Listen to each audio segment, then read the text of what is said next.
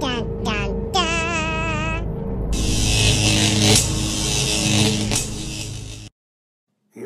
Skunt. Going, we don't need roads. This is a tasty burger. It's down there somewhere. Let me take another look. Jeg, jeg, jeg kjører introen, eh, Einar. Ja, kjør introen, du. Hallo! Jeg kjører introen. Det er helt sikkert. This guy. Og nå er det kommet til Skunds videoverden, podkasten der vi snakker om denne kule eller spennende filmen som vi så for mange år siden, og som ennå holder mål. Eller, ja, eller morsom. Eller, morsom. ekkel, Nei, ikke morsom, den som er i dag. Og det er Nei, ikke, det er det og det er ikke bare ja, noen år siden, men det begynner å bli ganske mange år siden. En mannsalder i vikingtida. Ja, ja, det. Men velkommen skal dere være, dere som er med live, og dere som hører eller ser på dette galskapen i etterkant. Eh, grunnen til at vi har eh, dagens film, som er 'Silence of the Lambs', er at vi ville ha en litt sånn Oscar-aktig eh, greie her, eh, rett etter Oscar-utdelingen. Så vi heiv fram ei liste med fem filmer. Rocky fra 1976, Rainman 88, American Beauty, Silence of the Lambs og Gandhi. Og det ble jo Silence of the Lambs, selv om Rocky har etter vi tok avgjørelsen, så har han kommet opp likt. Og ble det Silence? Jeg som har forberedt meg til Gandhi. Sånn er det. Men jeg kan Gandhi. Litt Men, men eh, nå er jo Silence of the Lambs den av de som fikk mest Oscar òg. For den fikk jo faktisk fem Oscar. En av tre filmer i verdenshistorien som har fått fem Oscar for Men ikke bare fem Oscar, da, men fem Oscar de fem store. Alle de viktige, ja. Ja, Det er jo da beste film, beste manus, skuespiller, skuespiller og Regissør. regissør. Mens vi er langt inne i den, så kan vi bare legge til at det er vel usedvanlig kort spilletid eh, Hopkins fikk for å få en Oscar for beste mannlige skuespiller. Ja. 16, Ja, som hovedrolle, ja, ja. 16 minutter som hovedrolle. Han er ikke hovedrolle her, vil jeg si. Nei. Clarice. Det er Clarice, definitivt, ja. ja, men av de mennene så er jo tydeligvis Det er jo hans- mannlig hovedrolle. Nei, det er, det er faktisk et godt poeng. Men, men det var det ikke, fikk ikke Al Pacino òg det for Nei, eh, jo- Marlon Brando òg. Hvis du har en film som heter All the Girls in the World, Movie, movie, så det er en mann som i ett sekund kan vinne for beste mannlige hovedrolle. da. Ja, altså Girls Gone Wild der, det, eh, Nei, nei, glem det. Snakk om noe annet. Snakk, snakk om noe Jeg tror annet. faktisk Marlon Brando hadde enda mindre screentime omtrent når han vant for Gudfaren. Ser du det? Så det, det hender jo. Men han er jo på en måte da motparten. Mm. Selv om vi har en del mindre spilletid, så er han definitivt motparten til Clarice. Ikke nok med det, men de har ikke veldig mye scener sammen heller, de, de, de to. Ikke all verdens eh, med tanke på hvordan de drev med kamera. Nei, for det var En birolle er også noe som vanligvis understøtter på en måte hovedkarakteren. Mm. Mens her er han på en måte en veldig stor figur sjøl. Sjøl om han har lite screentime. Så det er kanskje fortjent, da. Men det er litt rart, for at filmen hadde jo Jeg sier ikke den var like bra, selvfølgelig, men den hadde jo funka helt uten han òg, for det er jo et mordmysterium eh, her med en annen mann. Ja, det mangler et lag, men ja. Og det er, ikke, det er klart, ja, han hjelper henne jo med å finne litt ting, men det er jo sikkert ting Men nå kjører jeg inn. Vi styrer litt av gårde her. Men å presentere filmen først, det er én ting. En annen ting å må gå inn på er... har er jo andre ting å si her. Ja. ja. Velkommen igjen. Er det ordnung Mosein i den? Ja, stemmer det. Er det orden i podkasten? Velkommen til dere som ser. Og det som jeg ber om, før dere glemmer det, ta hiv opp en tommel før dere gir opp og går og legger dere. Så vil vi gjerne ha en tommel. Det hjelper utrolig.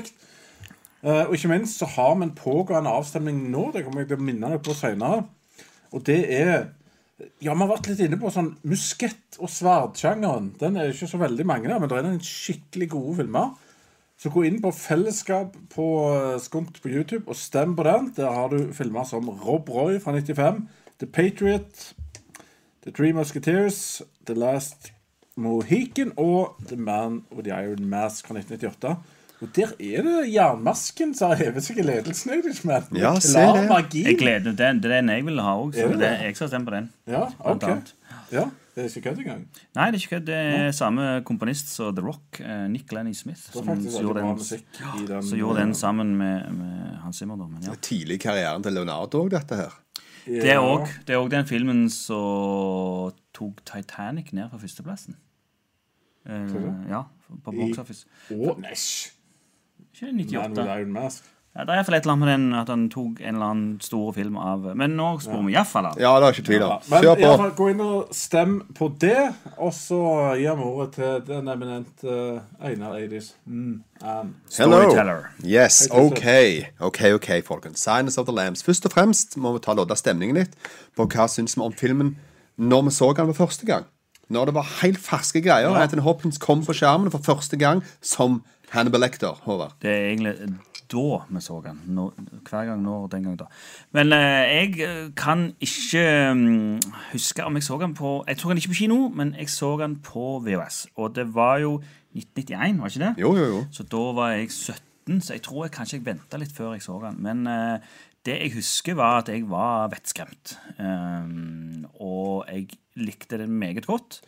Og jeg ble uh, freak out, og jeg lærte mye, husker jeg. For jeg eh, begynte å så, liksom, Seriemordere, det er jo litt sånn kult. da. Så det, det fikk min interesse for, opp for seriemording. Ja, Seriemording er jo godt, en kjekk interesse å ha. Eh, Vi kan bare nevne, vi har allerede fått en kommentar her fra Trons Filmhylle, eh, som lurer på om vi kommer til å spoile Nattsvermeren. Eh, Hvis vi skal Ja. sitte her fra mellom en halvtime og en time, så må vi spoile, ellers så blir dette veldig blodfattig. Så, Ja. så hvis det er eh, ødeleggende for deg, så anbefaler jeg deg å drite i denne episoden. Gå og se filmen, og kom og se den senere i kveld. Ja, og øh, det må vel være en regel om at en film har vært ute i så og så mange år, så det er lov å spoile. Jo, men så er det òg lov å lage en spoilerepisode. Så bare gi Ja. beskjed om at det er det vi skal gjøre her. Vi skal spoil the shit out of this movie. Stemmer det. Dette er definitivt en spoiler-episode. Yes, Var det hva jeg syns om dette i sin tid? Ja. Dette var for meg en forstyrrende film. eh, Når jeg, så den. Eh, jeg fikk se en eh, transe på en dårlig måte for første gang i mitt liv. En som ville lage hud. Eh, og nippelpersing og Det var veldig mye rart. Blanding av mann og dame og mord og spising av tryner her som gjorde at jeg Dette var hardt for 13-14 år gamle Kenny. Jeg, jeg føler òg at øh, det var den første Jeg skal ikke påstå det rett, men en av de første kvinnelige sterke hovedkarakterene som jeg virkelig liksom, wow, fikk øynene opp Har du ikke sett Alien? Nei, jeg tror ikke jeg hadde sett Alien på den tida. Jeg klarer ikke Men iallfall en av dem, de, sa jeg. fra Ja, ja, ni- ja. 79. Men OK. Ja. Jo, jo, men det ser ikke alltid, alltid i rekkefølge. Men jeg syns filmen var veldig bra. Uh, og han var veldig øyeåpnende for meg. Sånn, han vekte, han fjerna uskylden min på mange måter fra film. Så jeg ga den en åtte av ti i sin tid. Alien er jo heller ikke realistisk. Den her er jo faktisk realistisk. Ja. Og den ble jo faktisk Og FBI var jo med Men hva karakter ga du den, Håvard? Og i, i gamle dager Uh, Jeg ville sagt åtte. Ja. Jeg òg likte denne filmen veldig godt når han kom i sin tid. Og det er en sånn film som brenner seg inn i hjernebarken. Her er det mye bilder som sitter igjen, som jeg husker i alle år etterpå. Til og med fram til, til nå. Jeg har sett den en gang eller to siden, men det er lenge siden jeg så den sist. Og det er overraskende mye jeg husker fra den filmen der. Så den har virkelig satt sine spor, som er et meget godt tegn, da. Så eh, jeg kan ikke huske nøyaktig hvordan det lå an, men jeg vil tro åtte slash ni. Troligvis åtte. Så vi ligger nok egentlig på samme plass. Det var en meget god film. Ja, definitivt. Sa du ikke? Jeg sa åtte. Ja. Um, det jeg skulle til å si, var at eh, FBI støtta jo opp opp denne filmen her fordi at de ville ha flere kvinner inn i FBI. Så de syntes det her var en god, Ja. god idé. Det var gjerne en god eh, reklameplakat. Det Ja. er så jævla skummelt å være FBI-dame i denne, syns jeg. Men Ja. det kan vi komme tilbake til. Det kan vi komme tilbake til. Uh, ok, da. Uh, 'Nattsvarmeren', som heter på norsk, den er da fra 1991, som nevnt. Han er regissert av Jonathan Demme, som da vant Oscar for denne filmen her. Eh, han har en del andre navn. I Philadelphia og har vel også han lagd som en av hans mest kjente okay. filmer. Jeg lagde den etterpå. Ja, det var eh, 93. ja. Eh, og så har han hatt en del sånne altså, Han tar litt opp en del sosiale spørsmål og sånn. Han Når han lager Philadelphia og denne, da viser han at han er den med guts, altså. Ja, det er han. Han har kjørt den på en måte en del Ikke kanskje den meste box office-hylla etter dette her. Han fikk litt uh, kritikk for uh, framstillingen av eh, trans people i denne, men det gjorde han jo godt igjen med Philadelphia. Noe som Ja, er veldig si. feil, i og med at de adresserer at dette ikke er representativt for en transe i filmen. Eh. Det er, det- det er det heller ikke på noe nivå, men OK, vi kommer tilbake til det Ja, ja, ja. for det er et godt spørsmål. Og så spilte han jo også i Han var jo skuespiller og spilte i Universal Soldier. Eller er det en annen, det? Universal, Soldier Ja, det kan være. Jeg det vet nei, det er Van Damme, det. ja. Oh my god. Er vi der Vi er allerede? der allerede. Tommel opp på den, folkens. Å, herre min. OK. eh, Foruten det, da, er, er da manus skrevet av Ted Talley, som også vant Oscar for. Eh, Og så har det med Jodie Foster, Anthony Hopkins, Scott Glenn og Ted Levine. Og ikke minst er musikk by Howard Howard Shore. Ja. Så eh, tenker jeg at vi skal hive oss i gang med denne filmen. her. Han har en relativt intrikat historie. Så det er nok litt mer som foregår i handlingene i denne her enn noen av de andre filmene vi har hatt. Men uansett, her setter jeg i gang. FBI-student Clarice Starling ble henta ut fra treningen på FBI-akademiet på Quantico av Jack Crawford. Det er da lederen av FBI sin Behavioral Science Unit. Han gir Clarice et oppdrag hvor hun skal intervjue Hannibal Lecter, en psykiater som har blitt fengsla grunnet flere kannibalistiske mord. Lecters innsikt kan være viktig i forhold til en pågående jakt på seriemorderen Buffalo Bill, som dreper unge kvinner og fjerner deler av huden deres. Starling reiser til Baltimore State Hospital for the Criminally Insane, hvor hun blir geleida av sykehusets sjef, Frederick Shilton, til Lektors celle. Dr. Lector fremstår først som imøtekommende og høflig, men blir fort utålmodig når Clarice klumsete kommer med sine spørrende fremstøt.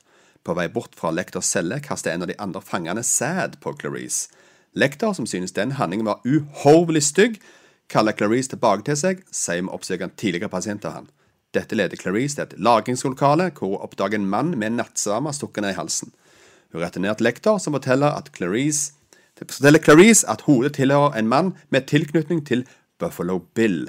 Dr. Lektor tilbyr seg å profilere Buffalo Bill, på den betingelsen at han blir overført til et annet fengsel bort fra Chilton, som han hater.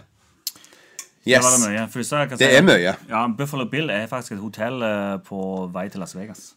Rett over grensa når gambling blir lovlig. Hvorfor sa ikke bare Hannibal det med en gang? Ja, ja, så kunne du reise.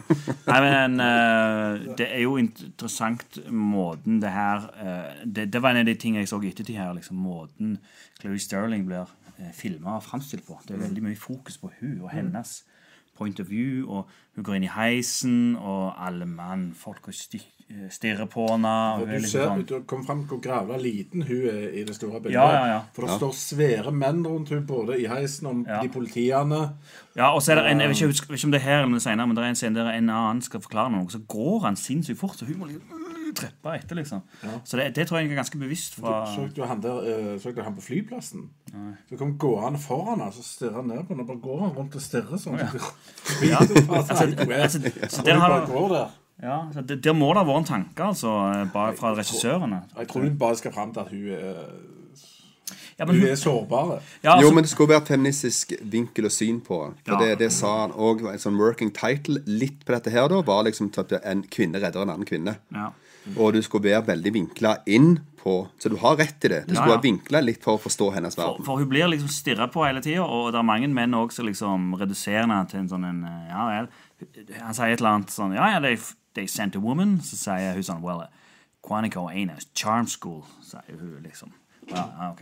Det du burde sagt, er I'm an FBI agent! Jo, men samtidig så er jo eh, hun er jo rookie, da. For hun kom jo rett fra Hun ble plukket ut. Og Hun er vel ennå i training? Ja, hun er ennå i training. men det lurer jeg på. Hvorfor, Helt vilt gjort. hvorfor trekker de henne ut? Jeg vet Jeg tror det er er skrevet ut av manus i filmen. Ja. Hvorfor akkurat hun, liksom? Det må jo være. Hun jogger jo med en annen dame. Og Ja. der jogger jo også, der er òg menn som kikker på de når de jogger. Så det er liksom det er jo Ja, men altså, det er han Crawford, da. Uh, ha, nå kjenner jo han til disse studentene og ser på en måte på listinga at der er den studenten. Det, hun, han har vært borti henne før. Hun er iallfall relativt kvikk i hodet. Så kanskje har en sjanse på en måte at hun ikke blir helt på en måte dette sammen og går og møter han. Ja. For dette her er trikset da, for at de skal prøve å trekke informasjon ifra han. Og Crawford gir jo ikke så mye informasjon til henne, som kom fram senere i filmen, at eh, hun har den brukt litt. For hun kunne ikke få vite det.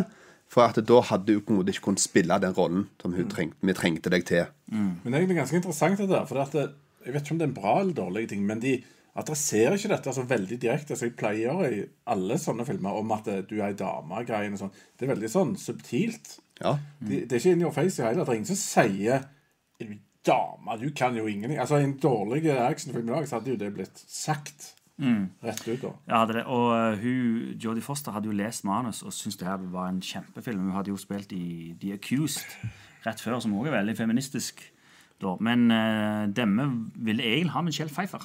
Stemmer det. Uh, det men, men så ville ikke hun, for hun syntes det var, uh, var litt sånn forstyrrende. Hun takla ikke manus. Nei, hun vet du hvem som syns at dette manuset manus var bare disgusting? Sean Connery. Ja. Yes, Clarice. Og Gene, Gene Hackman var også inne, og egentlig på regi eller et eller annet. har jeg hørt. Men, men du, se for dere, vi må leke med den tanken der. Hva, Sean Connery og Michelle Pfeiffer?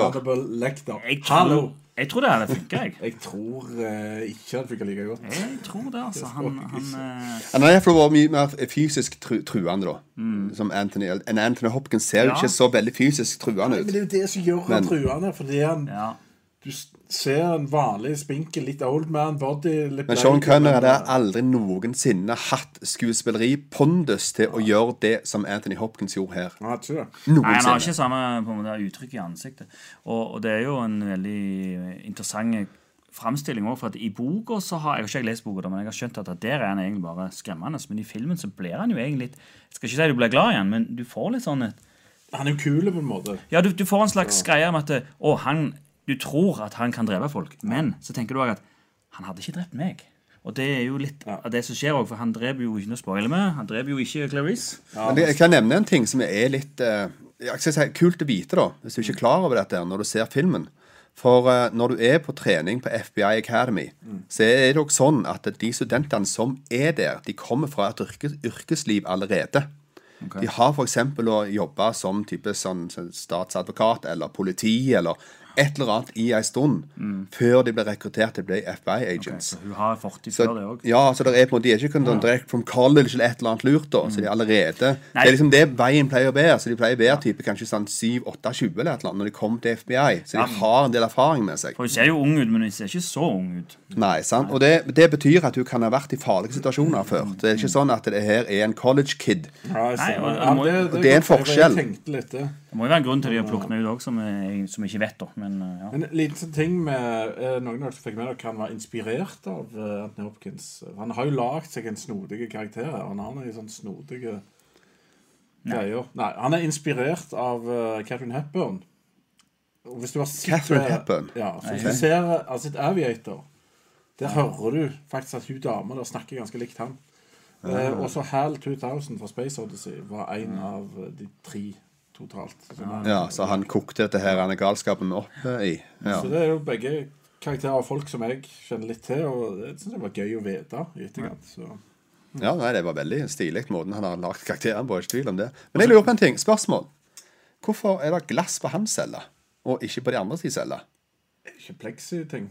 Jo, ja, men det er glassplekse uansett, da. Men det er helt annen på en måte løsning inn til han selger. Han, alle andre sine. ja, det er for Han det, andre er bare sæd på folk. ja, jo, men han burde iallfall ha glass. Det er han som burde hatt glass, Ja. tenker jeg. Det kan hende Men, men det er jo masse feil. Du ser også sprinklene altfor store. Jo, men det var grunnen til. Ja, for de skal Du må få med hele ansiktene i shotet. Ja. Ja, du må få med øynene i shotet, ja. Ja, men uh, Nei, men- Men ser en det, da, på en måte? Med det blotte øyne? Er ikke det snakk om centimeter Altså, for, for sånn? å si det sånn, Det jeg reagerte på egentlig med den greia her, når hun går ned en gang Hvorfor er det så åpent der at eh, det, det føles som et åpent dungeon fra middelalderen, kontorlandskap?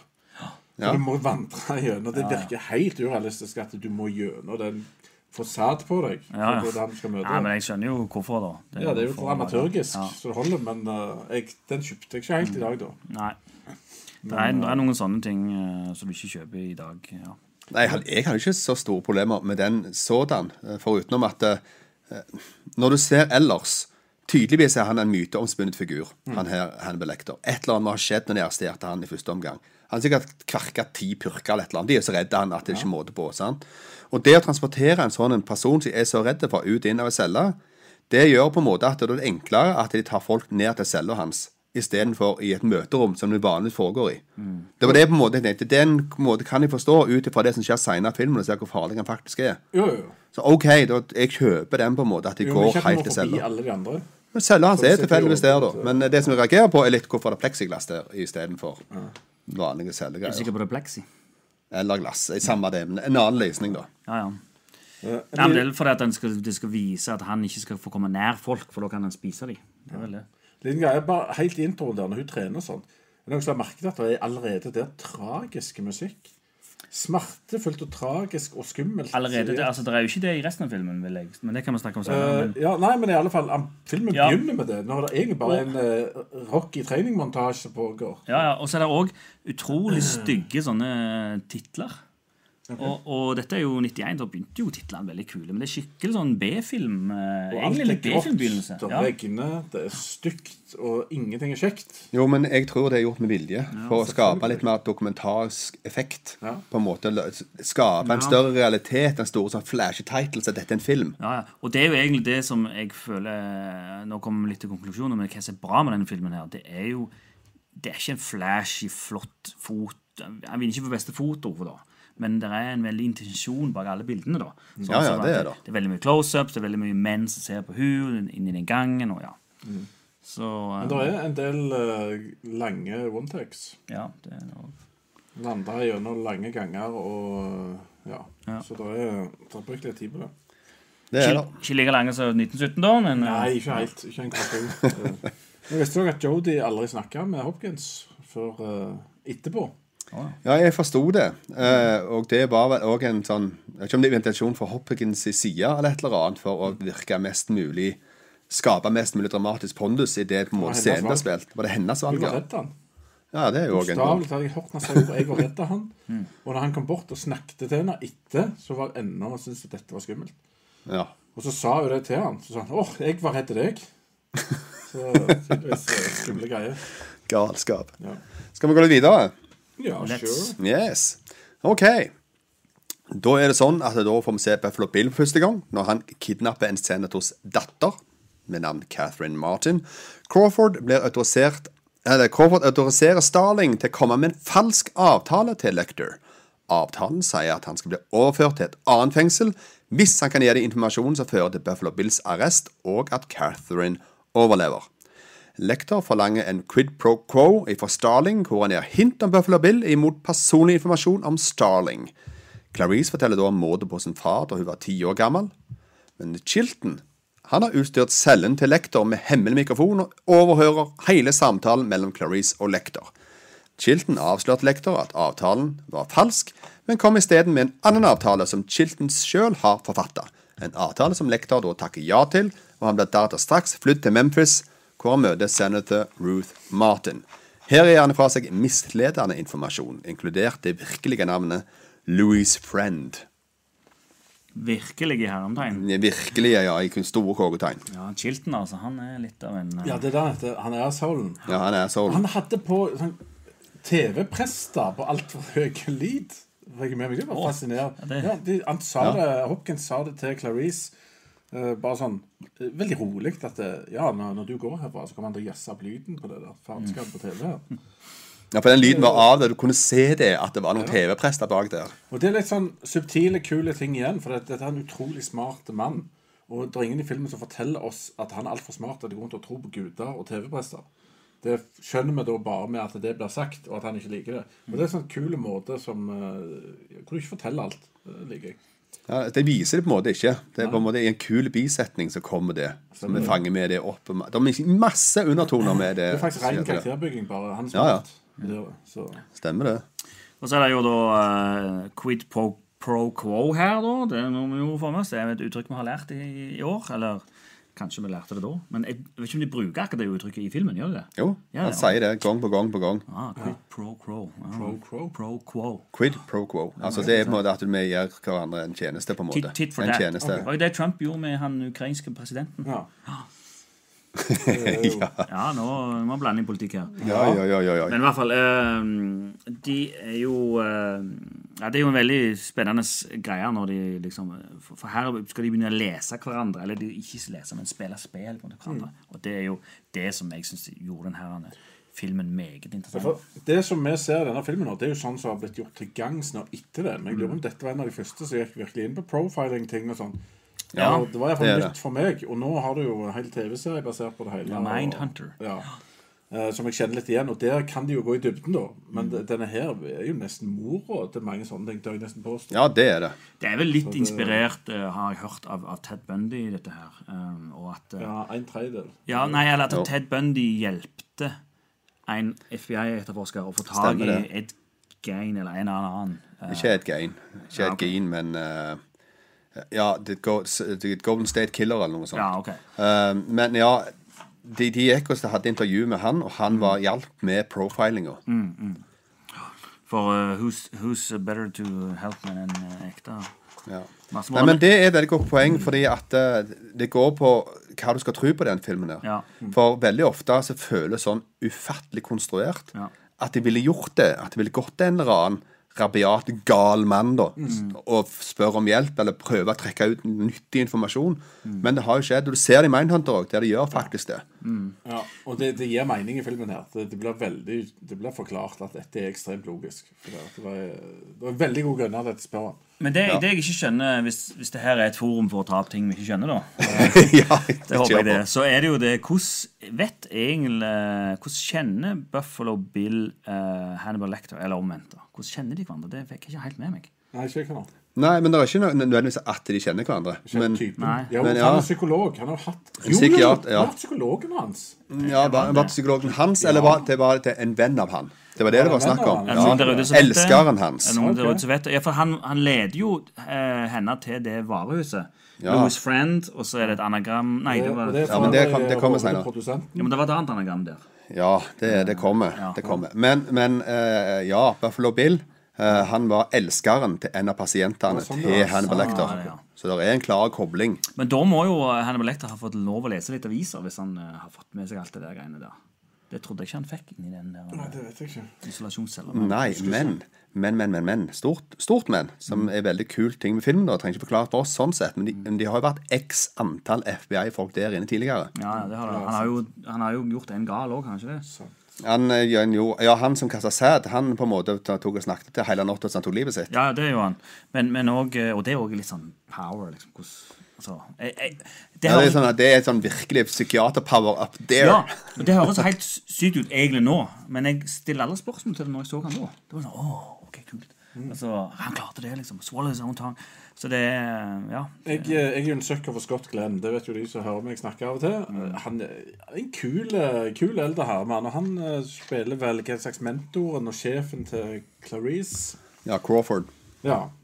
Uh, han Jeg leste litt om forberedelsene han til filmen. Så ble han eh, presentert for en kassett med lyden av ei jente som ble voldtatt av to menn. Ei 16 år gammel jente.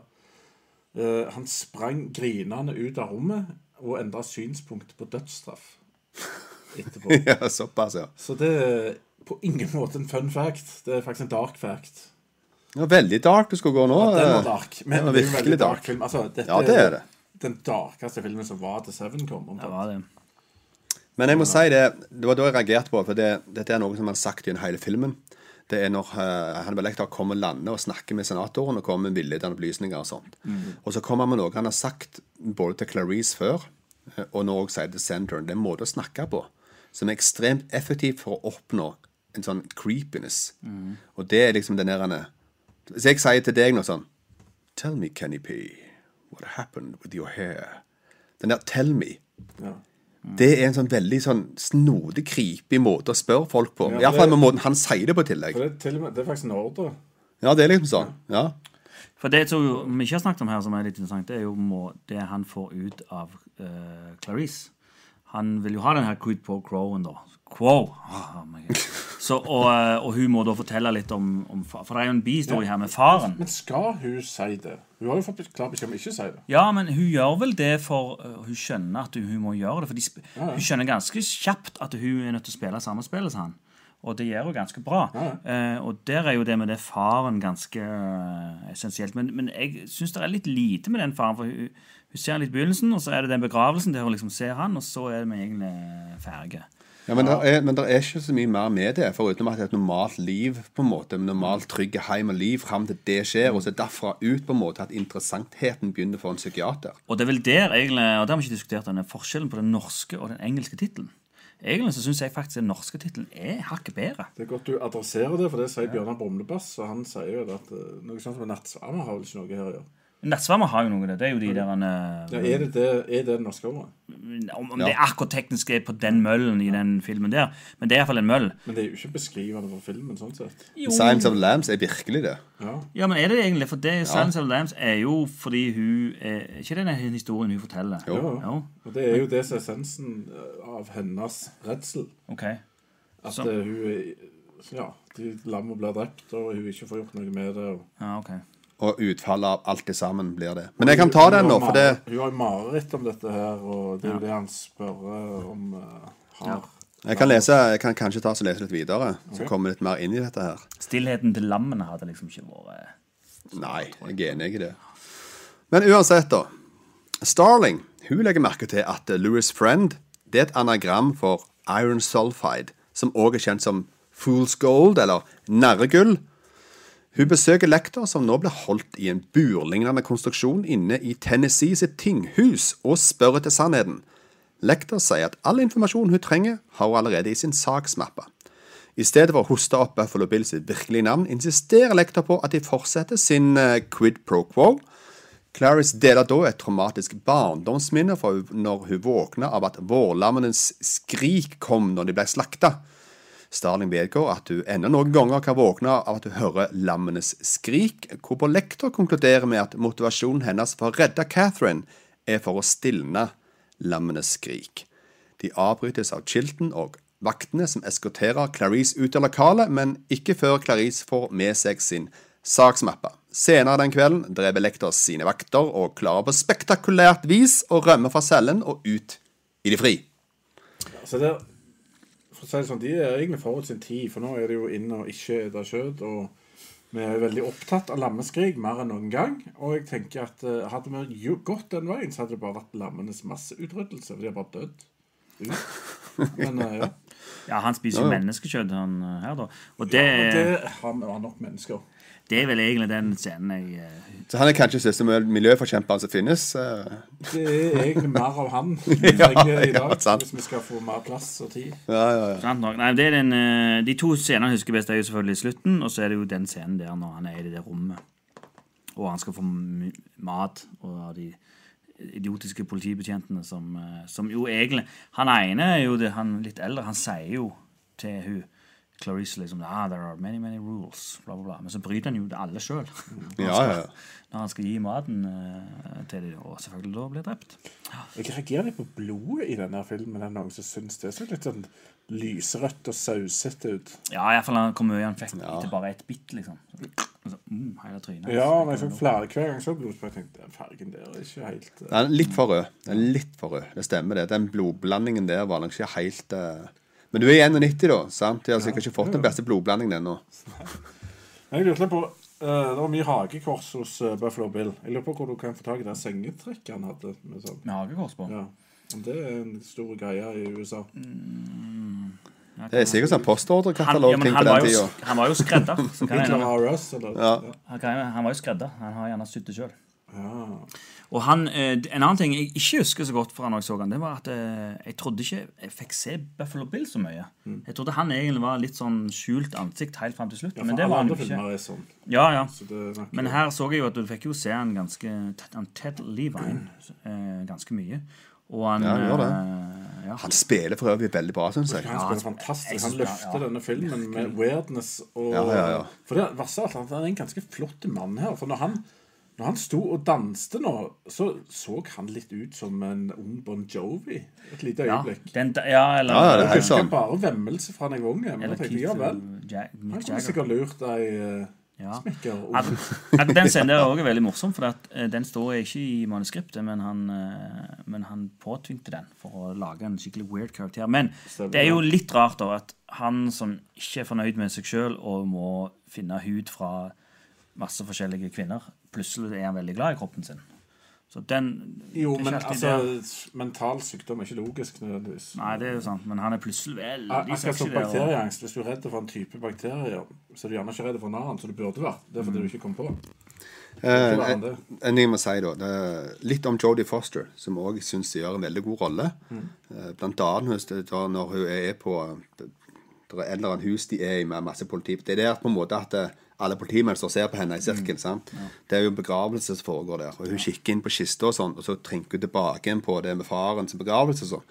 Den actinga som hun gjør med ansiktet sitt, og når hun på en måte går over i modus på en måte at nå er ser hun deler av sitt eget liv-ting, det var helt, det var kjempebra. Mm. de har nok en regissør som er veldig opptatt av å presse det fram òg, i og med at han filmer så close-up hele veien. Ja, det tror jeg nok. Sinnssykt close. Og en annen ting, noen som la merke til hvor mye hun guvernøren òg ligna på uh, Jodie Foster. Det så ja, så Senatoren, tenkte du på. Ja, senatoren var hun som har mor til hun ene. Ja, nei, det Ja, det, men, eh, det var veldig sånn Oi, det, men ikke mor heller, for ikke så mye eldre, men søster eller noe sånt. Så Du, Ja, om dere la merke den plakaten uh, som han hadde inne, med òg hagekors på sida, og så sto det 'America, open your eyes', og så er det 'Business as usual', står der foran øynene. Som altså hagekors rundt. Du er sånn, sånn hagekorsjeger. ja, men legger ikke, legger ikke merke til så mye hagekors med andre. men det er sånn symbolske ting. Den betyr jo noe. Den er, Ja, ja, det gjør han nok. Der er det jo Her sier jeg sjøl et eller annet. Mm. Så Jeg lurer på om det var noe dere hadde Nei. Hakekors. Jeg la ikke merke til alle Ja, for hagekorsgreiene. eksempel lurer på om det var en kapitalismeting, siden 'business as usual' dekker øynene. Ja, det er mulig. Det er litt Fight Club uh, inni her. Tear down the world. Det virker jo som en smart regissør, da. Ja, ja. Ja, men det, for jeg, jeg har alltid tenkt på den karakteren sånn, først og fremst i forhold til seksualproblemer, og ikke så veldig mye på sosial eller politisk, liksom. Ja. At det, det er bunn og grunn i det. hagekors å heller. Nei, ikke jeg heller. han har amerikansk lag. Ja. Men jeg tror han er forvirra på alle baner. Det er sånn, først og fremst er det på en måte seksualspørsmålet som er, den- sånn- er på en måte opphavet. Han får ikke lov til å skifte kjønn. Han blir avvist pga. all slags greier i barndommen etc. Og sinneproblemer og ja. Det er jo bare nazister som er mordere, vi som er litt på venstresida. Vi myrder jo ikke folk med. Nei, Utenom Pol Pot og det Kim Jong-un og de, da. la du merke til det er en ganske kjente filmmaker som spilte politi her, som dro Clarice ut? Georg. Uh, ja, Georg var med. Ja, Georg. Ja, Så lagde alle filmer sett noe med Dead. stemmer det. Dead Man Walking. Uh, nei, ikke det. Uh, Evil Dead. Ja, er det, er det Evil Dead? Ikke det Peter Jackson, det? Hva da? Hva for noen filmer han har lagd av George Romero? Det er ja, Day of the Dead, uh, Night of the Living oh, ja, Dead de, da. eh, De, da. Dawn of the Dead. Ja, Dawn of the Dead, alt det greiene der. Han som kom på en måte med zombiekonseptet i sin helhet av det som vi kjenner som moderne zombie-ting. da. Inkludert type Walking Dead. Det hadde ikke eksistert hadde ikke vært for George Romero, for eksempel. Så det er virkelig en episk figur i filmhistorien. Eh, videre til litt mer Jodie Foster. da. Jeg vil også si at uh, måten hun snakker på, som real southern girl, det fungerte veldig bra. Hun gjorde det veldig godt. Og ikke minst om det her manus eller hun, vet jeg ikke, men òg veldig sånn sørslangs uttrykk. Sånn sånn Gå ned. Altså, det er sånn det, det sier du ikke hvis du ikke er virkelig deep south-ting. det, det er jo fun fact, for han, uh, han improver jo der han uh, Hannibal Lecter, holdt på å si, Anthony Hopkins. Hun kritiserte hun for sørstatsdialekten. Og hun ble jo satt ut av det på ekte, og det tok de med i filmen. For det, det var bare noe han fant på, og hun snakker egentlig sånn. Så det Ja. ja. ja, ganske morsomt. Eh, og så var det De var også på et museum. Eh, eller et eller annet der de undersøkte dette her med disse herrene nattsamerne. Disse Ser møllene. sant? Ja, det var litt, en, noen studenter eller, eller Ja, et eller forskere annet eller noe sånt. sånt. Ja. Ja, det der, når vi var der, da Jeg synes det var, det var kanskje den eneste morsomme tingen i hele filmen som jeg faktisk lo litt av. For det der er det to veldig nerder, og så er den ene da så kommer en eller annen tåpelig kommentar, og så sier den andre Ignore him. He's not a PhD. Det er, det er så ekstremt nerd-ting å si når det er to gutter som prøver å hevde seg på det å komme ei dame der. Han har ikke liksom. doktorgrad, Ja, han har ikke liksom. doktorgrad. Ikke hør på han, liksom. Egentlig er det ganske fantastiske. rart å ha litt humor midt inni der plutselig. Ja, det var så random morsom kommentar, syns jeg. Men det har jeg òg hørt at han som spiller, eller en av de to, uh, har dokumentarer om møll og naturliv, dyreliv, faktisk. Så de var ikke trukket ut bare av uh, Så det var jo folk med ekte pondus, Ja, ja, ja, det var det. En eh, liten ting, Hun er chubby dame som ble drept. Hun hadde jo et veldig ønske om å være tynn. komme frem. Hun hadde sånn ballerinaboks hvor hun hadde lagt bilder på baksida av seg sjøl når hun prøvde å se fin ut. Eh, Og hun hadde sommerfugler på veggen og alt dette her. Og det er jo veldig sånn Hun er jo basically et speilbilde av eh, selve morderen. Det, ja, på mange måter så er det det. Så er jo spørsmålet om han Om, om det er, Har noen lest boka? Nei. Nei. Hvis jeg lurer på om det er noe han har visst og gått etter, siden det er sånn veldig mye sommerfugler i det greiene, og alt virker veldig sånn Jeg òg har veldig mye sommerfugler i magen. Men nå er det jo òg sånn da at de, de kjenner jo hverandre. Det er første, første offer du snakker om nå. Det var første offer, det? Ja. OK, de kjente han, ja. Men det kan jeg gå inn på nå. ja. For nå kan jeg ta et stykke videre som går inn på akkurat det du nevner der. Eh, For nå har vi kommet så langt at eh, nå sitter Starling med saksmapper, og der har lektor gjort, skrevet inn visse ting. Så Starling analyserer lektors annoteringer i saksmappen og realiserer da at Buffalo Bill kjente sitt første offer personlig. Starling reiser da til det første offers hjemby og oppdager der at Buffalo Bill er en skredder med kjoler som er laget i mønster lignende huddeler som er fjernet for ofrene. Hun ringer Crawford for å informere ham om at Buffalo Bill prøver å lage en kvinnedrakt laget av menneskeskinn. Men Crawford er allerede på vei til Jame Gumbs hjem i Illinois. Jame er nå identifisert som den ekte Buffalo Bill. Eh, Men Starling hun fortsetter å intervjue venner av det første offeret for å snøre opp i løse tråder. Huset i Illinois viser seg å være tomt, men Starling i sin søken befinner seg plutselig i huset til en som kaller seg Jack Gordon, som vi fort finner ut faktisk er Jame Gumb. Hun følger etter Jame ned i en stor underjordisk kjeller, hvor hun finner Catherine, som fortsatt lever, men er fanget ned i en brønn. Gumb slår av alle lysene i kjelleren og begynner å stalke Starling med sine nattbriller, men han røper da sin posisjon når han lader revolveren sin. Starling reagerer akkurat i tide og skyter alle sine skudd, og med dette dreper Gumb. Det jeg lurer på, eh, Hva heter han egentlig? Heter han Jame Gumb? Jame Gumb, ja. Ja, for jeg venter på at det er også et eh, akronym, ikke akronym, men eh, anagram for noe.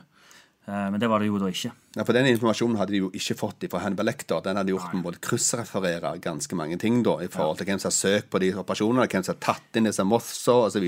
Ja, for, for eh, Hvis du tenker deg all in all, hvor mye var det egentlig Hannibal Lecter kom med som gjorde at hun løste saken?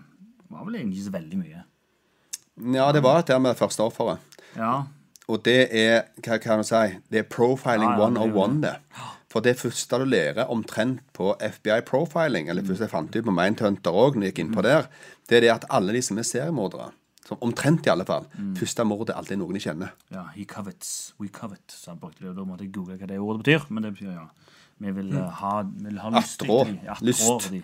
Ja, men uansett, det er alltid en kobling. Det er, det er omtrent ikke kjent i verdenshistorien at en eller annen begynner med en eller annen random. Det er alltid en eller annen veldig personlig som da eh, blir drept først, og så eskalerer det ut i alt slags randomness etterpå.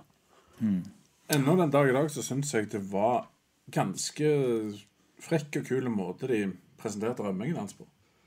Det var kult lagt. Ja, det var ekstremt Ja. bra. lagt. Når, han, i heisen, og når de ser den heisen komme ned og sånn. Ja. Det var utrolig spennende. Og der ble, Og det hadde jeg egentlig glemt litt ut. Jeg visste bare det er noe med den der som ikke stemmer. ja, den, den scenen var vanvittig bra, og, og der begynner jeg virkelig å legge merke til musikken. Hvor bra den Og den Ja. er skikkelig creepy og scary. Altså. Ja, det er ganske bra musikk i denne. Altså, jeg, jeg må si, jeg hadde med meg dattera mi Ja. og så denne filmen her. Ja. Og hun satt omtrent med, med, med rumpa ut forbi stolen til tider. For det var så spennende.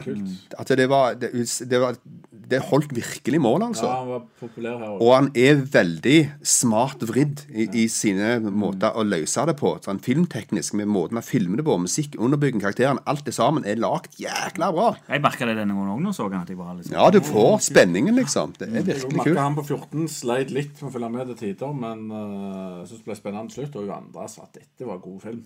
Men, men har dere merka det, hvordan det er med spesielt uh, white chicks og seriemordere? Det er noe der, altså. Så Ja. Ted Bundy og Ed Gein De har jo fanskare. Jeg sier ikke at døtrene deres skal bli det, men, men likevel det er noe Og spesielt nå i de siste årene med True Crime som har kommet, så er det veldig mye Det virker som jenter er, er virkelig blitt sånn fascinert av seriemordere mer enn det vi Jo, men altså, det går jo. Det er mystisk og morbid, og de har lyst til å redde en bad boy. Ja, ja. Og det ultimate bad boy er jo en seriemorder, for Ja, ja. sake. Og han i Twilight. Han i Twilight. Han i Twilight, Ja, ja, altså, han spiser jo folk, han. Tikker av alt. Så- Han gjør så. Han spiser jo opp kjæresten sin, til og med. Hvis han ikke eh, Ja. Men, men, eh, men da, ja, det er noe Det, det er smarte, smarte scener det når han, eh, han rømmer, syns jeg, og ansiktsspisingen. Så han holder på på et mål uten blodet, tenker jeg. Det eneste jeg kan si som var veldig dårlig der, det var oversettelsen til norsk. For når de kommer opp Hadde du tekst, du? Yes. Jeg hadde tekst. Um, og det er jo en sånn irriterende ting som en sitter og får- med seg dobbel informasjon hele tida, for en klarer ikke å unngå det når teksten er på. Men jeg hadde to andre i rommet som ville ha det, så det ble det sånn. Uh, ok, Men de kom iallfall inn i rommet der da, når han henger der som en engel, han ene. sant? Og da, da sier jo liksom en på the walkie-talkien 'Two officers down'. Det er oversatt til 'to purker er skutt'. To purker er skutt, ja. Som har ingenting med virkeligheten å gjøre. De verken purk eller blitt skutt. Eller purk er de for sånn. Ja, men uansett, det var veldig snodig oversettelse. Uansett så sier liksom ikke en politimann på Den sier ikke det sjøl til andre politimenn. Og der er jo musikken fantastisk når du får se den engelen der. Men òg det der faktum at uh, han ene overlever. Eh, Og så tar jo han da ansiktet på han, og, et, og når han er i ambulansen og gjør det samme der òg, det er enormt scary hele Kommer langt unna når du ikke har egen skam. Men hvordan i Hellheim klarte han å dra han opp der? Det må ha vært prosjekt. Han kan tingene der. Ja, han er flink på prosjekter. Sånne typer prosjekter er han veldig flink med, tydeligvis. Så det er Jeg misunner den. Eh, Men jeg må si det at det var veldig bra portrettert av hvordan Jeg vil òg anta at en veldig veldig syk mann som måtte ikke har empati, som er, som er psykopat, da, vil oppføre seg og kunne gjøre ting i forhold til sånt. For han er iskald. Og når han, når han dreper, så er det på en måte omtrent ikke en mine. Det er veldig sånn de facto. Det er bare sånn bevegelser jeg gjør her. Og når han har gjort det, så er det på en måte ikke en sånn en si, en veldig sånn boost av adrenalin eller et eller annet, men det er bare veldig sånn OK, så bare nestemann. Bare slapp av, vi kommer til deg. Bare sånn helt sånn Ja, nedpå. han, han har ikke empati. Nei, og det er det, det, det siste trekket til en psykopat. da. Uh, desto mindre empati du har, dessverre er det på en måte. Det er veldig lite mo ha-ha. Ja, det stemmer, stemmer det. Men ja, men, men, det, men det er også kult her med måten de gjorde dette på. Det er at de De viser ikke når han gjør det. Nei. Og Det hadde ødelagt hvis de så han puste PC, og halte han der opp og herja bare. Det ødelegger alt for oss òg. Vi òg- vi ja, tror jo på en måte Vi vet jo ikke hva som har skjedd. Hvor er han henne? De viser jo ingenting hva han gjør. Nei, Eh, hvordan han rømmer. Eller liksom Se bare ingenting. konsekvensen. Og det er jo det kuleste for oss òg, det. Det hadde ødelagt Hvordan kan helt du annen lage film. en kortfilm med den? Når- Ja, når han gjør det, liksom. Det kommer være en egen sånn en, eh, extra på DVD-en. Liksom, hvordan han gjorde det. Liksom. Yeah, no, I did this. And, Director's cut. Og så har du uh, breastfeed-scenen med senatoren. Ja. Vi snakker med hun om eh, Og det er òg Selv i dag kjente jeg at det var litt sånn creepy. det var og disgusting. Ja, det var det. Hvordan vil det føles? Hvor kjenner du det når du tenker Han er jo bare ute på en pur F når han holder på med de greiene der. Så. Men jeg jeg, merker jeg ble mer fornærma på hennes vegne da jeg var yngre. Jeg var kommet litt videre siden den gangen, men jeg kjente likevel at det- Asshole. Det er mulig. Herregud.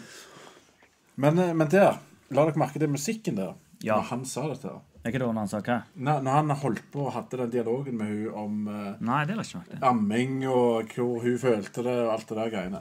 Nei, du hørte, Det var en flymotor som ble høyere og høyere. og høyere. var eneste lyden som var. Det var ikke noe musikk. Å ja. Og det var egentlig en sånn snodig ting. Jeg har aldri sett de gjøre. Bare lage en høy lyd mens han sier det. Gjennom hele monologen. Det Det var stig i hende, den. Ja, det kan hende det var noe støy som de måtte dekke over. Det er sånn velkjent uh, lydmiksingstriks. Men det var veldig effektivt til å lage den spenningen. Ja, For det er og- en sånn panikklyd når du hører den Og det er en ting som òg er meget bra med den filmen, det er lyden. Eh, nå vant ikke den Oscar for beste lyd eh, det året, der, for det var det Terminator 2 som gjorde. Og det reagerte jeg på at det var det eneste den vant. Eller var nominert til, tror jeg. Terminator 2, ja. Ja. Ok. Og JFK også vant, de vant for lydmiksing og lydediting, så en av de vant eh, Ja. begge deler. Men, Men det var jo den tida det ikke var lov. Og- ja, men, men det er jo òg selvfølgelig da lyden i, nede i kjelleren der. Og og det er jo en film som du ikke bør se på iPhone, men på en Ja, kino. På en kino, eller det er jo mange som har svære hjemmekinoanlegg da. Jeg vil si at det var en meget fin hussvitch, som fungerte veldig bra. Uh, og det, det får jeg jo òg når jeg ser det på en måte med folk som ikke har sett filmen før, som er litt mer påvirkelige enn meg. For det at uh, min datter kommenterte og trodde at når de kom til huset i Illinois, så sier jeg at det jeg lurer på kan det være rett hus de kommer til nå. Men men jeg krossklippte det med at de ringte på der, og nede i kjelleren så ringte det på der. Sant? Og han ble forstyrra og måtte gå opp. Så trodde jo hun da Da klarte å lure henne til Å ja, OK, det var visst det. Også. Den scenen er fantastisk bra så det, det, det fungerte. Den var ekkel den dag i dag, selv om jeg var ganske sikker på hva som kom til å skje. da. Ja, jeg husker jo hva som Jo. skjedde. Men hvis du ikke så kommer inn sånn helt cold og har ikke anelse, så funker den, Ja, altså. jeg så Den dag i mine dag. medsammensvorne satt cirka sånn. Jeg vet ikke om det er den første filmen som gjør akkurat det, men eh, han gjør i hvert fall utrolig bra den eh, scenen der. Ja, det er veldig godt, ja, filma, og det er underbygget igjen av musikk og eh, skuespilleri. Alt det sammen er veldig bra. Når det skal sies, så ligger det huset der i 8 Circle Street i Pennsylvania. Det googla jeg og gikk inn på Google Maps og så. Jeg Faka de noe på film? Nei, det er ekte. Det er jo det jeg sier. Ja, i, i Illinois. Ja, ja. Ja, ja. Uh, ja, ja, det er det. Men uh, du kan gå inn og så kan se huset at det ligger nærme en jernbane, som du ser i filmen. At Det ligger nærme elv. Alt, liksom. Det er litt, ja. Så det er ganske morsomt. Det huset står ennå. De sleit veldig mye med å selge det. Hvem ville kjøpe det huset der? Men i 2015 så ble det endelig solgt til noen. Ja, ja. det, er det en brann der inne? Nei, det tror jeg, det- det tror jeg er gjort i studio. Ok, men jeg vil også si at det var et veldig kult eh, frampek med Night Goggles. Eh, som da første gang vi ser Buffalo Bill, Ja. så drar han fram de Night Goggles for å se på hovedparkeringsplassen. Ah, ja. Og så kommer den, og da vet vi jo på en måte at det er på en måte noe Når han drar fra henne fram, så kommer vi om ja, det stemmer. Det har han, ja. Og det er jo den andre scenen som jeg virkelig husker. Men jeg husker at den var lenger. Ja, jeg òg husker det. Ja. Jeg reagerte på at eh, Hæ, filmen er over nå? Ja, Det var jo bare et par minutter der nede, men jeg, jeg, jeg mener å huske at det var nesten halve filmen. Nå overdriver jeg. Men, Men det, jo, men det viser Og det, det når jeg spør dattera mi om en stund, sant, det kan fort være at hun kommer til å huske det mye lenger. For det at du sitter jo med en ekstrem spenning Ja, ja. der, da, Ja, ja. som trekker scenen ut.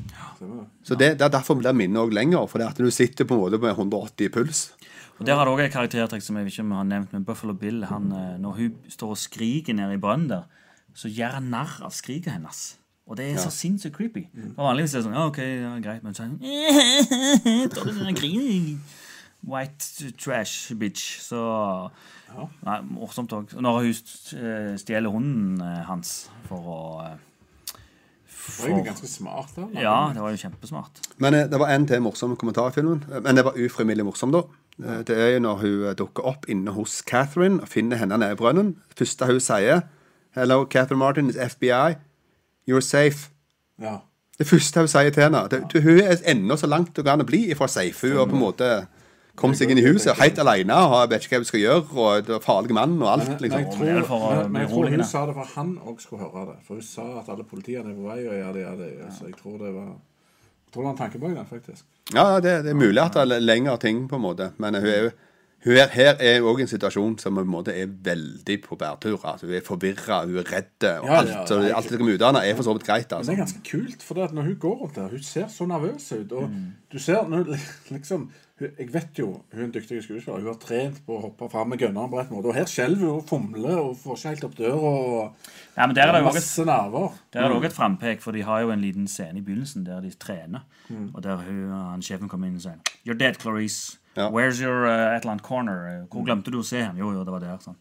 Så, uh, så der, men men uh, det var en ting jeg syntes var litt dumt. Det var veldig dårlig i slow motion når hun snur seg. og Ja, det var det. Det var litt Det er nok- early 90s. uh, det er nok, Og så er det litt lys, og da er det jo enda verre å gjøre uh, slow samme. motion. De er identisk med den nesten i uh, Dødelig våpen 1. Men de hadde ikke sånn det type slow-mo på den tida. Så god kamerateknologi. Og, der- og Young Guns. Men jeg la ikke merke til det da, det var, men det var jo noe jeg la merke til nå. Nei, men det var um, The heyday of Slowmos. slow-mos. Ja, ja. Ja. Ja. Men uh, når det er sagt, det var en liten tabbe på den der han, uh, Night Goggles. og Det var en skygge som viste det. Det går jo ikke an. Men uh, sånn er det. Kan ikke vinne alle.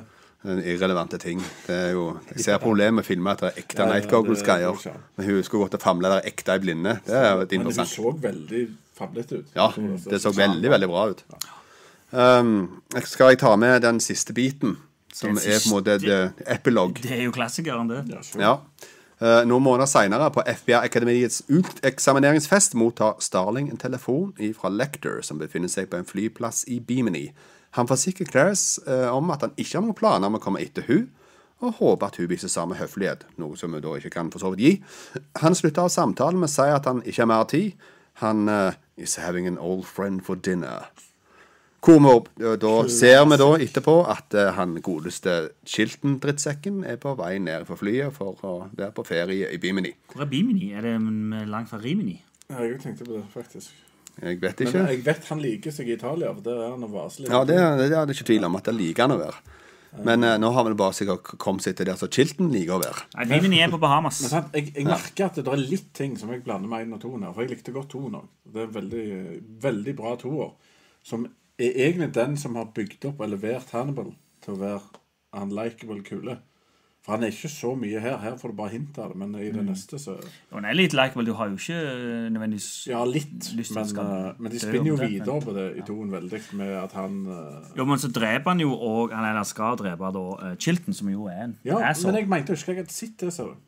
Ja, men faktisk i, Jo, men Så faktisk gjør han det i to? Eh, Nei, jeg tror ikke du har lest altså, I manus så eh, har han han fanga. Siste scenen er at I'm having an old friend dinner. Så ser du at han har han trapped in a chair, men så skifter de det, da. Og det er mye kulere den måten de har gjort på nå. At ja. vi, vi bare tenker at han skal gjøre det, liksom. Ja, kanskje. Så det er en fantastisk bra eh, Faktisk slutt. beste scenen jeg har fra hele franchisen her, er faktisk fra tonen. Han sitter og får uh, uh, mafiabrødremannen til å ete sin egen hjerne. Ja, for Anthony var det rett Hopkins, før jeg svimte av. Det var jeg ikke vant med å se. ja, for Anthony Hopkins er med i toen òg. Men er han det? Ja, Jo, ja. Anthony Hopkins er med. Men Hun er, men hun er ikke. Ikke Jodie Foster. Nei. Og, og har dere sett liksom tre og serien og alt det greiene der òg? Jeg har sett 1, 2, 3. Ok, serien da. Tre Nei, jeg har ikke sett serien. Nei, serien skal også være veldig bra, de som sitter, men jeg har bare sett det. Det var Viggo Mortensen, eller han Mats Mikkelsen. Mats Mikkelsen. OK, folkens. Hva kan vi konkludere med? Ta, han er tatt opp igjen da fra 91. Det her er da 29 år siden. Jeg syns han uh, gjorde seg like bra. Det var selvfølgelig en del sånne tekniske ting, og veldig mye close-ups, som ikke er så veldig vanlig nå. Det er mye mer vanlig med bevegelse, kamera og sånne ting. Da. Men jeg var like Altså, når jeg vet hva som skjer, men allikevel er spent, så syns jeg det er en bra ting. Så jeg syns den var minst like bra som den var, han var når jeg så den da. Ja, N8, eller? Ja, ennå åtte. Ja, altså, jeg uh, syns han var veldig spennende, og men jeg syns han falma litt da på uh, litt sånn kamerating, sånn, mye sånn shaky cam-ting som jeg syns var litt sånn forstyrrende her og der. og uh, Klimakset var ikke helt like stort som det var sist, og kanskje jeg ikke kan arrestere det for mye på det. Men jeg likte filmen godt, men han falma litt, så jeg er gir han syv Ja, jeg er som film i dag. Ja, som, som film i dag så er jeg nok litt mer motsatt enn en dere. På, en, på min måte, da. For um, Nå kan vi vinkle det inn på opplevelsen til de som var med meg.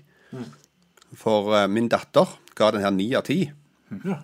Og så ble jeg bare Wow, det var da voldsomt. Det er en av de beste filmene jeg har sett noen gang. Wow. Så det er iallfall et veldig godt testament på at han holder seg i dag. Uh, og det er veldig vanskelig for meg på en måte å definere ting, for jeg har jo sett han før. Jeg, alle nyopplevelsene klarer ikke jeg å definere på den måten. sant? Men det jeg lurer på, det er, Gleder du deg til hun begynner å skrive brev til massemordere i fengsel? Jeg tviler på at det er det som blir utfallet av dette her. Spørsmålet er hvem hun heier på, om det er Clarice eller om hun heier på Hannibal. da. Ja, Sa hun noe om det, da? Nei, jeg spurte ikke det spørsmålet der. Men uh, Det, er- for det er jo ganske interessant, for, for det er jo meget sterke kvinnekarakterer. Uh, og Det det, vil jeg det. tro. Og den kom veldig på rett uh, tid, eh, den filmen. her. Det hadde jo ikke vært det samme hadde vært en mann langt ifra. Men tilbake igjen til min karakter, da. Ja. Ja, så blir det da ni av ti. Den har steget en. Jeg er blitt mer voksen. Jeg, jeg, jeg anser dette her for å være en hinsides stor klassisk film. Eh, han er veldig godt lagd. Ikke minst er på, altså Anthony Hopkins er amazing i denne. her Jeg synes Jodie Foster gjør det kjempebra. Musikken er vanvittig bra. Jeg liker måten han er filma på. Jeg liker at han er litt gritty, for det, det samstemmer veldig godt med det de filmen prøver å presentere. Så eh, utrolig nok så han steg en karakter. Ja. Ja, nice. han, han, For det har òg med meg som person som setter mer pris på den type ting nå. han var veldig Alle de plassene de filma Du så at Ja. nei, her er skikkelig skuntaplass. Ja, det ja virkelig. Ja, det er en skun, virkelig skuntafilm, dette her, Kenny. Ja, men da, da er faktisk konklusjonen at dette er Han er nøyaktig det han var. Han er en åtter til sammen. Til sammen så blir han det. Delt eh, så blir han åtter ennå. Og det er noe av det beste som vi har hatt i studio her noensinne. Det er det nok definitivt. Så ja, Men vi må snart få lagd en tabell. Og Ja, etter hvert så kan vi opp en tabell på hvordan 17 stykk, da. Hva er de beste Ja. filmene fra vår ungdom? Ja. Er det det tabellen blir? Ja. Ja, eller hva, hva kan de hive på i dag? Ja. Mm. Som folk i dag kan se, som de ikke har sett det før. Og liksom Ja, ja. Og, og, fordi, og det er veldig interessant at ungene deres likte den eh, såpass godt. For at det, det, var- det er jo en del ting som jeg tenker Nei, ja, det der greiene der funker ikke i dag. Men eh, så gjør du det. Det er jo en del uh, cool 80s hairstyle òg her. Ja, for, for jeg jazzer jo filmen litt ned fordi at jeg har forandra meg, kanskje. For jeg har sett for mye etterpå. Ja. Uh, uh, så- Det har jo han òg. Jo, jo. Ja, men han ble litt nyforelska. Så det er bare jeg som er, holder quid post ratus quo her. Stemmer det. Ja, ja. Skal vi ta noen kommentarer helt på, på tampen? Ja. Litt kom kommentatorer. Bjørnar kritiserer at det ikke er ekko i dag. Ja, vi beklager, Bjørnar. Og det er det jo veldig bra lydarbeid på når han snakker til Clarice. Så det er veldig mye sånn klang. Sånn, sånn scary klang. Så det la jeg kan jeg få ned siestaen? El fiesta. Helt. Det la jeg merke til. Så god lyd var det. Uh, og han, eh, Tronny, Tronnys filmhylle han forlot oss pga. spoilers, og det er helt greit, for jeg vet han kommer tilbake. Ja, jeg håper han ser filmen. Og han liker veldig godt Jim Carrey. Han har sett 26 filmer med han. Har med sitt 26 med Jim Carrey? Ja, Det vet jeg ikke. Siden Jeg tror jeg sitter mest der, så det er ikke mulig. Nei. Så fikk vi spørsmål fra Bjørnar Brumlebass. Hva syns vi om den norske tittelen 'Nattsvermeren'? Veldig lite med nattsvermer å gjøre, vel? Nei, det er jo den møllen er jo nattsvermer. Ja da, Den er, Den er den er jo- ikke dårlig, den tittelen, syns jeg. Den, den går jo på en måte gjennom med kjennemerket til han seriemorderen. Ja, Så sånn de- sett så er det for så vidt innafor. Jeg, jeg mener vel kanskje at filmen bør hete det som de smart... Altså, en oversetter er ikke smart nok til å finne en bedre tittel enn han som skrev boka, tenker jeg. Nei, definitivt ikke, men det hjelper på, på marketing her. Så hjelper det jo, for det, at det er jo bilde av sånn Jodie Foster med nattsvermer over munnen. sant? Så dermed på en måte så klarer du å oppnå en effekt med det. Så sånn sett så er det iallfall noe bak det. Stillhet, altså, det, Nei, men det er det ikke noe verre på norsk. Jo, men jeg føler at nattsvermeren det, det gir deg litt sånn ja. Ja, men jeg føler at nattsvermeren gir deg sånn creepiness. Sånn, åh, om natta, Men jeg var ute om natta. Og det, det er jo litt den der scenen når hun går ned i, så er jo hun helt i mørket. ikke sant? For Men, men det, er jo, det bra, det er jo likevel en tittel som har en dybde i seg, og som Mm. beskriver noe Ja, for å si det sånn, Det er så uendelig mange dårlige norske titler der ute at jeg vil ikke tatt den her som et sånn Dette er en av de bedre oversatte titlene. Ja, jeg er ikke helt enig, men han er ikke krise. Men jeg syns bare at eh, han kunne bare hete det han heter. Uh, fra Lord of the Films han sier ja, den norske tittelen er helt bak mål, som alle norske titler på den tiden. Det er noen som òg anbefaler oss å lese bøkene. Anne Lise Erga vil at vi skal lese bok. Ja, men skal vi ha sånn bokhjørne? Nei, vi er en filmkanal, vi er ikke en bokkanal. Men eh, jo da, det er alltid greit. Men da er det best å lese boka før du ser filmen, tenker jeg. For det meste Er det noen, det som- eller spør du, hva mener dere? Er det best å se filmen før å lese boka, eller lese boka før å se, filmen? Eller på likt, kanskje. Hvis du klarer å skille det som to ulike kunststykker som ikke henger sammen, så har det ingen betydning. Det beste er alltid å se filmen først. Tør jeg påstå. Ja, eller la være å se filmen. Nei, Oi, oi, oi! You heard it here first! la være å eh, lese boka. Men uh, en siste ting, da. Er det bedre å se filmen først, og så høre lydboka? Eller ville du Gå lest for det samme. Vet du hva, jeg har aldri først hørt en lest, og så lydbok, og så filmen? Altså, Lydbok det er for lazy people som ikke klarer å lese sjøl. Eller folk som kjører mye bil. Jeg sidestiller det rett med å lese en bok. Bare en annen variant av å innta informasjon. For du får de samme ordene. Så det er to varianter av det samme. Annelise anbefaler oss å lese de tre bøkene. Ja, det var jo det jeg sa da. Ja. Eh, men så er det en morsom her. 'Nattsvermeren' med Sean Connery og Michelle Pfeiffer han minner litt om den Seven vi kunne fått med Val Kilmer og Al Pacino. Og Det er jo et uh, godt poeng. Seven hadde nok ikke vært like bra med Val Kilmer og Al Pacino. Nei, Val Kilmer var jo ikke. bra på den tida. Han var jo det, men eh, Brad Pitt er er jo konge. Ja, Ja, ja, Brad Pitt er alltid konge. Å, herre min. Ja. Men han, eh, November Passion mener at Hannibal-serien med Mats Mikkelsen er mye bedre, faktisk. Ja, er, jeg har hørt mange som sier det, at den er dødsbra. Men uh, jeg blir litt sånn stressa, for den skal visst være en prequel og noe greier. Så da bare tenker jeg nei, det blir for mye tenking for meg, sånn som det ble på Star Wars. Lite prequels jeg har satt pris på. Eh, Bjørnar vil se Det er for så vidt et poeng, da, men han sier at 'tell me' høres ikke så skummelt ut når Skavlan sier sine engelskspråklige gjester. Jeg sier vel på litt sånn svorsk-norsk Ja. eh, engelsk òg. Tell me. 'Tell me, when did you go into the river?' ok. Jeg var enig i det, Bjørnar. Her er en god analyse. Buffalo Bill er basically en representasjon av et transfobisk syn på transkvinner som går ut på at det er fakere med morderiske intensjoner, selv om det nok ikke var Johan den, det, Var det noen som skjønte det? Hvor er det? Det var en veldig intrikat Buffalo Bill er basically en representasjon av et transfobisk syn på transkvinner. Ja, De mener at Jonathan Dem eh, og, LGBT-communityen i USA var jo veldig kritisk til denne filmen. Som går ut på at de er fakere med morderiske morderiske intensjoner. Ja. At de, de, de, bare- de er ikke transer. De Det svarte jeg jo for så vidt på, for det adresserer de i filmen. At De sier det. Han sier det. Han, Ja. eh, han er ikke en ekte trans, liksom. de har Han, faktisk en ja. samtale, begge to, hvor de argumenterer for at dette er feil. Så det Og du har fått et nytt kallenavn, Kenny B. Kanskje Kanskje vi skal begynne å kalle deg det? Hakekorsspotteren. Ja. Ja. Det kunne jo vært uh, noe. Ja, ja, selvgått, mer snert i den. Men Vi kan ikke ha det som undertittel, liksom. Du er, du er ikke filmkritiker lenger når du har hakekorsspotter. Eller, eller visk, hakekorshviskeren. Nei. ja. Jeg reagerer på at ingen av uh, dere hang dere opp i det, for det blir ikke snakket om på noen måte eller, i filmen. Men, eh, men Bjørnar nevner òg at det er en flott kryssklipping i filmen når Jodie ringer på. Og det er også Eh, kule det er der. det er. Og så er det også en annen ting med kule, eh, ikke bare musikk Scoring, men det er musikken som blir spilt. Når hun American Girl hun kjører den bilen, du får et bra inntrykk. Og så er det den sangen han danser. Jeg vet ikke om det er New Order eller noe sånt. Det er veldig Mm. kul bruk av uh, source-musikk i filmen. Ja, definitivt. Eh, Jeg kan ta en veldig kjapp runde før vi runder av her. Men jeg er skikkelig på Oscar det året, Ja. siden dette var litt sånn Oscar-episode. Andre nominerte til beste film var JFK og Beauty and the Beast, for eksempel. Eh, JFK er noen som holdt den høyt. Det er som jeg faktisk ikke sett jeg- siden den tida. Jeg holder den meget høyt, og den så jeg igjen i fjor.